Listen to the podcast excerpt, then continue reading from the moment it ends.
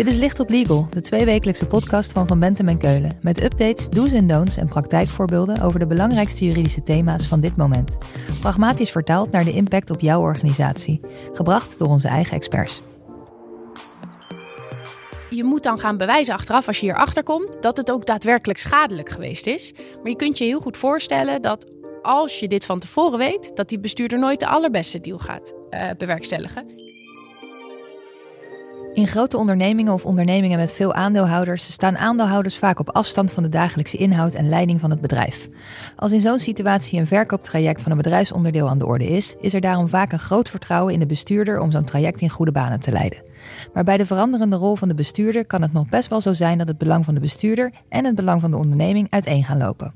Dat opent de deur voor fraude.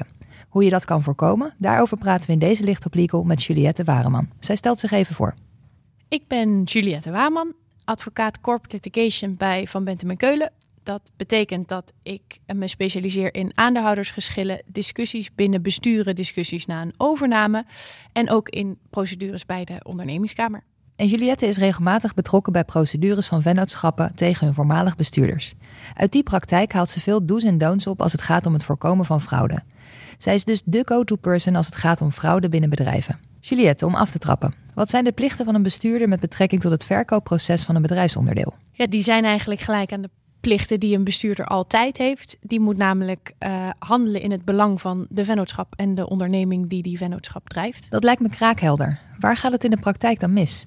Ja, normaal gesproken uh, gaat de bestuurder heeft hetzelfde belang als dat bedrijf, namelijk het moet gaan floreren. Maar als je je bedrijf of een onderdeel van het bedrijf gaat verkopen, ja, dan krijgt die bestuurder soms een hele andere rol. Want het kan dat hij zijn baan kwijtraakt, maar in ieder geval gaat een deel van de opbrengst gaat naar de aandeelhouder en niet naar die bestuurder. Dus het kan gaan ja, wrijven met uh, het belang wat die bestuurder niet heeft, wat die aandeelhouder wel heeft bij zo'n verkoop. Precies, omdat zijn rol verandert, kan het zijn dat hij er anders over gaat denken.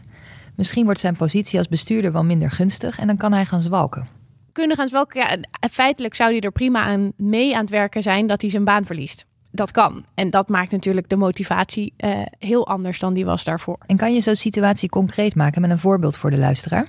Ja, de, er is een redelijk recent uh, voorbeeld van een um, onderneming in het noorden van Nederland, waarbij de aandeelhouders bestonden uit heel veel gemeenten in het noorden. Uh, en die hadden de energievoorziening geregeld uh, binnen Rendo Holding, zoals dat heette.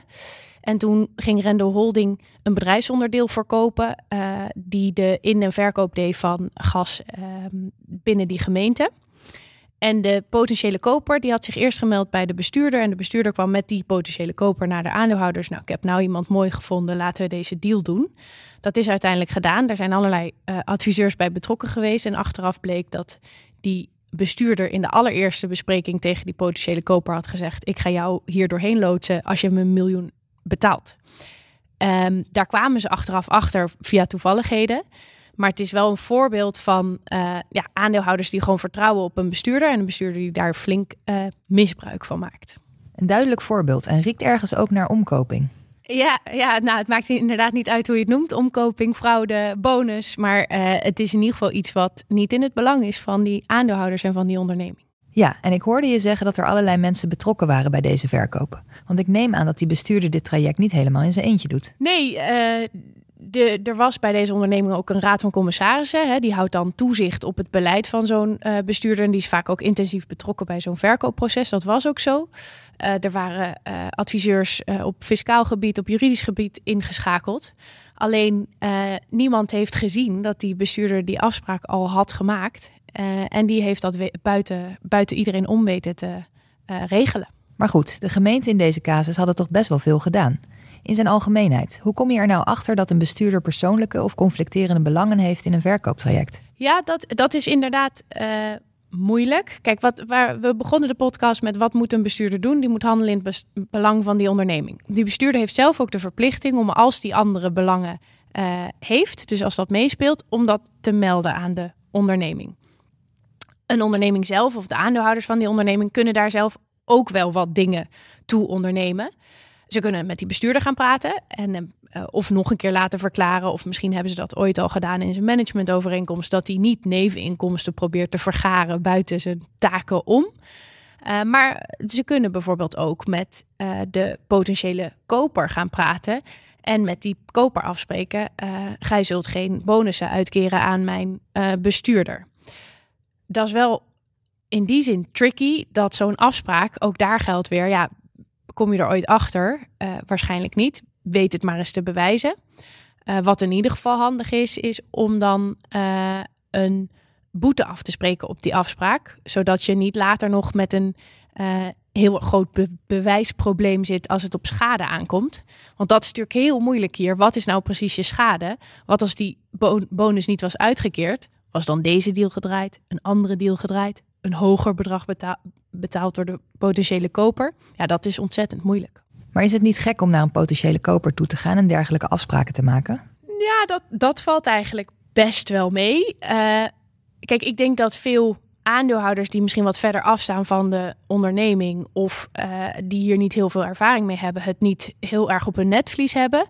Maar heel veel partijen uh, die wat vaker hier met dit bijltje hakken, realiseren zich dat die positie van die bestuurder verandert en dat daar ja, gewoon een, een uh, potentie voor fraude zit. Die zelfs de, de, de braafste mensen misschien wel kan aanzetten tot het slaan van een slagje. Je moet dus kritischer zijn op de bestuurders, de commissarissen en de kopers. Maar hoe kan je controleren dat iemand integer is zonder het aan die mensen te vragen? Ja, je krijgt iets nooit helemaal rond. Hè? Je kan iemand nooit helemaal doorcontroleren. Wat je kan doen is uh, het handelsregister controleren en daarin kijken of de potentiële koper, uh, uh, wie daarachter zitten, wie daar aandeelhouders van zijn. Je ziet in het handelsregister alleen 100% aandeelhouders. Dus als het daar niet zichtbaar is, dan zou je die mensen gewoon kunnen vragen: mag ik jouw aandeelhoudersregister inzien? Mag ik zien welke personen hierachter zitten? Voor hetzelfde geld is dat wel die bestuurder of is die daar um, uh, aandeelhouder in? Dus dat kun je vaststellen. Um, maar je krijgt nooit helemaal 100% zekerheid dat er niet uh, uh, gefraudeerd wordt. Bij fraude is het vaak ook gewoon het minimaliseren van de risico's en niet het elimineren van iedere mogelijkheid. Je kan dus nooit 100% voorkomen dat er afspraken worden gemaakt waar je niet van weet. Je noemde al wel maatregelen die je kan nemen om risico's te verminderen, zoals afspraken maken met de bestuurder en koper en daar boetes aan hangen. Zijn er nog andere stappen die je kan nemen? Ja, een, een ander uh, uh, iets wat vaak gebeurt, uh, is uh, het maken van een dealteam.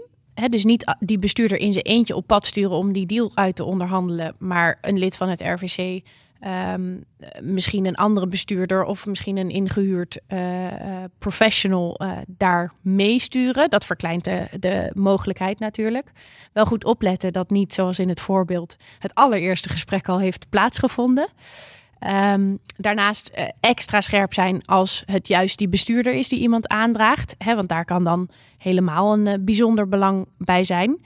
En betrek onafhankelijke partijen uh, erbij die al vaker met dit beltje hebben gehakt. Zoals externe financiële experts en juridische experts. Als we dan toch nog eens naar het perspectief van de bestuurder kijken. In het voorbeeld lag er een miljoen in het verschiet.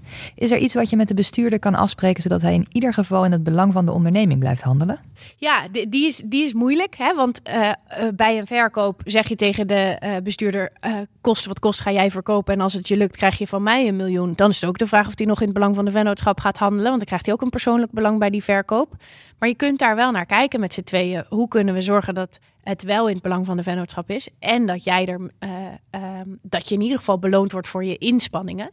Maar uh, echt winst gaan zitten maken ergens op, ja, dat, dat blijft heel lastig. Maar goed, daarvoor is het een bestuurder en niet een aandeelhouder. Dan moet hij zijn geld investeren en aandeelhouder zijn ergens. Precies, maar ik kan me ook voorstellen dat er mensen zitten te luisteren en denken: is hier überhaupt wel een probleem? Want iemand kan toch best een kickback krijgen en tegelijkertijd de beste deal voor de onderneming regelen? Dan is er niet echt schade. Nee, en daar zit eigenlijk precies het probleem.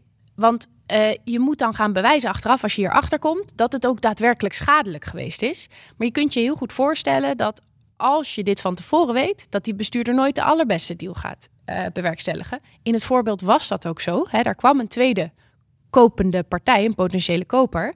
Uh, die had eigenlijk een beter deal, maar die bestuurder heeft het zo um, omgepraat en iedereen uh, het rad voor de ogen gedraaid, omdat hij gewoon een persoonlijk belang had. Dus het hoeft niet zo te zijn dat hij in het belang van de vennootschap of dat hij tegen het belang van de vennootschap handelt. Maar de kans daarop is wel heel groot, want hij heeft een bepaalde richting die hij op wil en die zal die wel kosten wat kost gaan nastreven. In de meeste gevallen zal hij toch beïnvloed worden, wat niet altijd goed afloopt. Nu we dit allemaal gehoord hebben. Stel, ik ben aandeelhouder en ik sta op afstand en ik ben bezig met de verkoop van een bedrijfsonderdeel. Wat is nou dat ene ding wat ik mee moet nemen uit deze podcast? Ja, het ene ding wat je mee moet nemen is uh, realiseer je dat die positie van die bestuurder verandert. Wees daar scherp op en uh, probeer zoveel mogelijk maatregelen te nemen, want dan wordt de kans zo klein mogelijk. Juliette, dankjewel. Als we meer willen weten, waar kunnen we dan terecht? Dan kun je terecht op juliettewareman.vbk.nl uh, en uh, je kunt mij ook mobiel bereiken. Mijn mobiele nummer is op de website te vinden. Dit was Licht op Legal, een podcast van Van Bentem en Keulen. Te beluisteren via Spotify, Apple Podcasts of je eigen favoriete podcast-app. Wil je meer weten? Heb je suggesties voor een onderwerp? Of wil je dat onze experts hun licht laten schijnen op jouw juridisch vraagstuk? Laat het ons weten via vbk.nl/slash lichtoplegal.